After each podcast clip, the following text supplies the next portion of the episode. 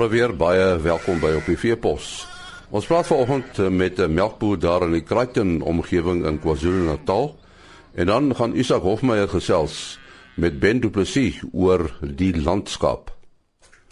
Ons uh, gesels met Hayden Stokes uh, wat daar in die Crichton vallei boer en uh, wat uh, ook die uh, Large Herds konferensie bygewoon het. Die enigste een wat hy bygewoon het nie. Hy het al 'n hele klompie bygewoon. Uh, uh Hayden uh the the Large Herds conference uh, especially the one around about 2001 was a very important one for you. Why is that? Because it was my first one and um it sort of gave me direction and vision that I didn't have before. That's probably the main reason, yeah.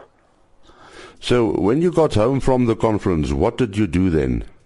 I changed my whole system. I, I went from being a, a, a high-cost, non-profitable dairy farmer to sort of a, a, a high-stocking pasture system.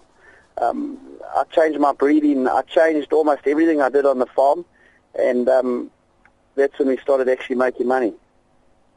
So you, you, you weren't in the TMR business? I was. I was. I was PMR, which is a partial mixed ration. So I did have a Keenan mixer wagon feeding cows um, on a feed pad, as well as I used to uh, graze them on pasture, but I wasn't utilizing my pasture properly. So one of the first things that I, I chucked my mixer wagon out and made them eat the grass, which was a much cheaper source of dry matter. So the, the before and after was uh, uh, PMR and now pasture. Yeah, yeah. I was before I was a PMR, um, partial. Now I'm totally pasture with um, probably 55% of my diet in pasture and uh, the balance through maize silage and concentrate. So, uh, what are you farming with, Holsteins or Jerseys? No, I'm Holsteins, but I did I did uh, farm. Uh, I put uh, Jersey semen onto my Holsteins for a year, but realized that it wasn't for me. I, I don't think there's a problem with it. It just uh, I, I enjoy my genetics, so I, I, I really farm with a, uh, what you can call a pasture Holstein. So, was there a lot of expansion after the that specific large herds? Huge expansion. I, um, I sort of when I went to the large herds, we were probably milking 180 cows, um, and I've, I've grown it up to 2,000 in that time. So I I focused on growth. I leased in cows initially, and then bought them when the lease expired. So uh, yeah, I, I grew, and I just had to grow the system with it. I put a lot more irrigation in. I put an extra parlor in, um, everything. And you also made use of the of the value chain, buying a cheese factory. That's more recent. Um, eventually, I moved over to Clover um, six years ago, and uh, Clover for a while had limited growth, and um, I was growing at a pace faster than than I could find quota for Clover, and uh, I wasn't prepared to to store my growth. So I actually went out and bought a cheese factory so I could I could put my surplus milk through the factory. Um, yeah, that's what I did. And and that paid off. Absolutely, it's been a good move. Um, I buy most of my milk, um, outsource it to the factory, and I still I supply 80% of my milk to Clover through quota. Um, I still purchase Clover quota because I believe Clover are sort of my bread and butter, eh? where the factory is probably slightly more risky. If I had to send everything to the factory, it would be riskier than, than, than if I didn't have anything with Clover. And, and, and utilizing the whey through through pigs, uh, tell us more about that.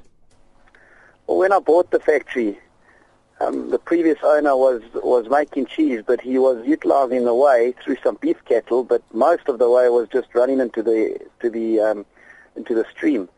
And I, and I saw straight away that there was an environmental issue coming here because we, we upped the capacity of the factory by 50% straight away.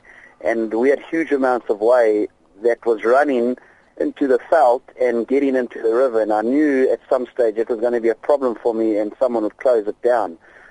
So I did lots of sums. Um, ideally, I'd like to use that whey and turn it into powder.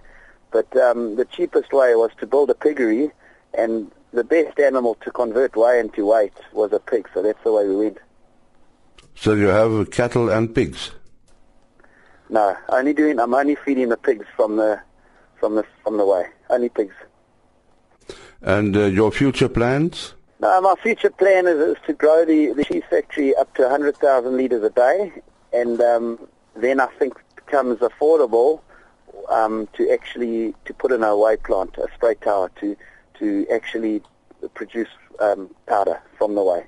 That's that's the, the, the long-term plan. Nou ja, dit was dan Hayden Stokes wat so 'n bietjie oor sy boerdery gesels het. En nou gesels Isak Hofmeyer met Ben Du Plessis. Ben ons is hier by 'n inligtingsdag en landskap inligtingsdag. Ek dink ons moet begin deur 'n bietjie agtergrond oor die landskap te kry. Wat is die landskap?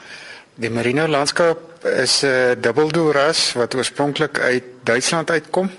Uh die ras is volgende jaar 60 jaar in die land en hy is ideaal in in aangepas vir ons Suid-Afrikaanse toestande in die ekonomiese toestande nou vir wol sowel as vleisproduksie. Ons hoofinkomste gaan maar kom maar uit vleisproduksie. Ja, as mense oor die landskap praat, die eerste ding wat jou opval is is die groot raam. Die landskap is 'n groot raam, alhoewel ons nie die groot raam voor staan nie, maar dit is fisies 'n groot raamskaap.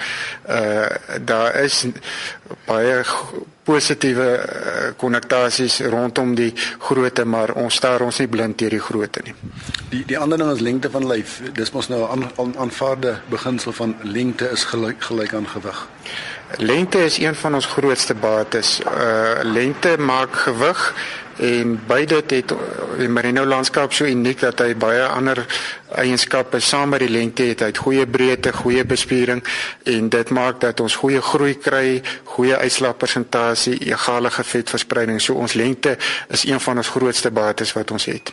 Gee 'n bietjie syfers vir my. Daar daar is 'n paar baie indrukwekkende syfers beskikbaar oor die skaap. Die uh GDT wat die LNR getoets het uh en wat dan die die retailers wat fase D doen uh die GDT jou gemiddelde gemiddelde daaglikse toename uh op die stadium hardloop so om en by 400 gram 'n dag. Uh dis jou gemiddelde op op die diere wat getoets is. Jy kry tot oor die 500 gram 'n dag uh vir speenlammers wat in in groeitoetse is. Die voeromset-verhouding wat die LNR getoets het uh in by Irene die intensiewe toestande, die fase C toestande, het die landskap die beste voeromset-verhouding gehad van die van die rasse wat getoets is. Hy was so 1 tot 3.6. Nou ehm um daar's nou 'n soort van 'n paradoks, twee goed waaroor ek wil praat hier aan die een kant, die verbruiker se behoefte, se voorkeur in terme van van karkasgrootte en aan die ander kant die potensiaal van die landskap wat nou heel wat groter is as dit. Bring dit bietjie bymekaar. Daar's baie mense wat vir my sê my landskap lammers is te groot. Uh jy kry hom nie bemark nie. Uh ek het 'n eenvoudige antwoord vir hulle. Uh bemark jou lammers groer. Vroer, ons het uh, ons het uh, die die unieke voordeel dat ons uh, met die vetverspreiding dat jy kan 'n ligte lam bemark van 40 kg wat die ideale vetverspreiding het en jy kan nog steeds lammers bemark van 80 kg wat nog steeds 'n A2 en A3 gradeer. Ek het 'n verbruikers uh, of 'n nismark in uh, ontwikkel vir mense wat swaar karkasse soek, lammers wat 80 kg aan die 40 kg aan die hak weeg en hulle bemark halwe lammerkarkas. Jou kwaliteitssnit op op die lam uh, is baie beter as teenoor 'n lam van 16 of 18 kg. Uh, jou vleisbeenverhouding is baie beter uh, in in in die opsig. Uh, die porsies uh, op 'n op 'n swaarder karkas uh, mys insiens is net ons wat Suid-Afrikaners is wat vleiseters is. Dit die, die ou sê maar man ek soek 'n goeie skaapjop wat wat ek kan braai of wat ek kan eet. Ons is liefhebbers van vleis in Suid-Afrika. Ons praat bietjie oor die wol. Uh dis 'n dubbel doel ras wat beteken hy's wol en vleis georiënteerd. Wat is die wol eienskappe? Merino landskap is nog steeds 'n dubbel doel ras. Ons uh, is nie 'n wolras nie, maar ons is nog steeds 'n suiwer wit wolras. Uh hoewel ons mikrone hoër is, het ons nie hare en kleur en kemp en al die uh faktore wat wat wolbesoedeling veroorsaak nie. Uh so uh, hoewel dit sterker in mikron is, hier is teelers wat fyner mikron het, maar as ek sê sterker in mikron, die gemiddeld op die merino landskap is hier so om en by 23 na 25 mikron. Uh ons het nog steeds jou merino karakter. Jy kan hom met vrymoedigheid in jou in jou merino of in jou wolkere gebruik. Jy gaan geweldige groei in jou lammers kry wat die vleiseienskappe betref en jy gaan nog steeds nie jou wol beïnvloed nie. Uh jy het nog steeds jou merino karakter op die wol. Ons het 'n goeie lengte. Ons keer maklike 12 maande uh a lengte op 12 maande wol en die wol het 'n sagte hantering en ons het nog steeds die die tipiese witwol met uh, met 'n goeie kwaliteit. Jy het nou eintlik al 'n bietjie daaroor gepraat, die plek van die merino landskap in die Suid-Afrikaanse skaapbedryf. Die merino landskap uh leen hom baie daartoe van ekstensief ek wil nie sê Karoo nie, maar daar is teelers in Koelsberg en Kraddock omgewing self Uniondale uh wat hom in 'n kruisstelsel gebruik, maar ook suiwer, maar hy leen hom baie goed in die semi-saai streke, jou jou jou veiding sowel as uh, oesreste, die omdat die ras so aanpasbaar is van dat van jou intensiewe stelsels af regdeur tot jou ekstensief, maar die uh, saai semi-saai streke en saai streke, die ras leen hom baie goed daartoe oor sy aanpasbaarheid. Jy dit dit is 'n maklike skaap om mee te boer. Jy het 'n hoë lam persentasie, jy het goeie moeders, so dis eintlik 'n maklike min sorg skaap om mee te boer. Die, die jy het nou ook daarna verwys die hele kwessie van van kruisteling. Dis iets wat mense maklik onderskat, nê. Nee. Die mense besef nie die die waarde van kruisteling regtig nie ons by die Marino landskap is van die teelers wat aan aan aan hulle kliënte ramme verkoop en daar is tot 4-5 kg uh gewigstoename op op 'n uh, speenlam seisoen per lam wat jou ware toevoeging en jou basterkrag en al daai goeie eienskappe wat ek reeds genoem het dan na vore bring. So jy jy het soveel waarde in die kruisstelsel en dan soos ek genoem het, die witwol maak dat jy nie 'n wolbesoedeling het nie en hom met gemak op op op 'n kruisstelingstelsel kan gebruik.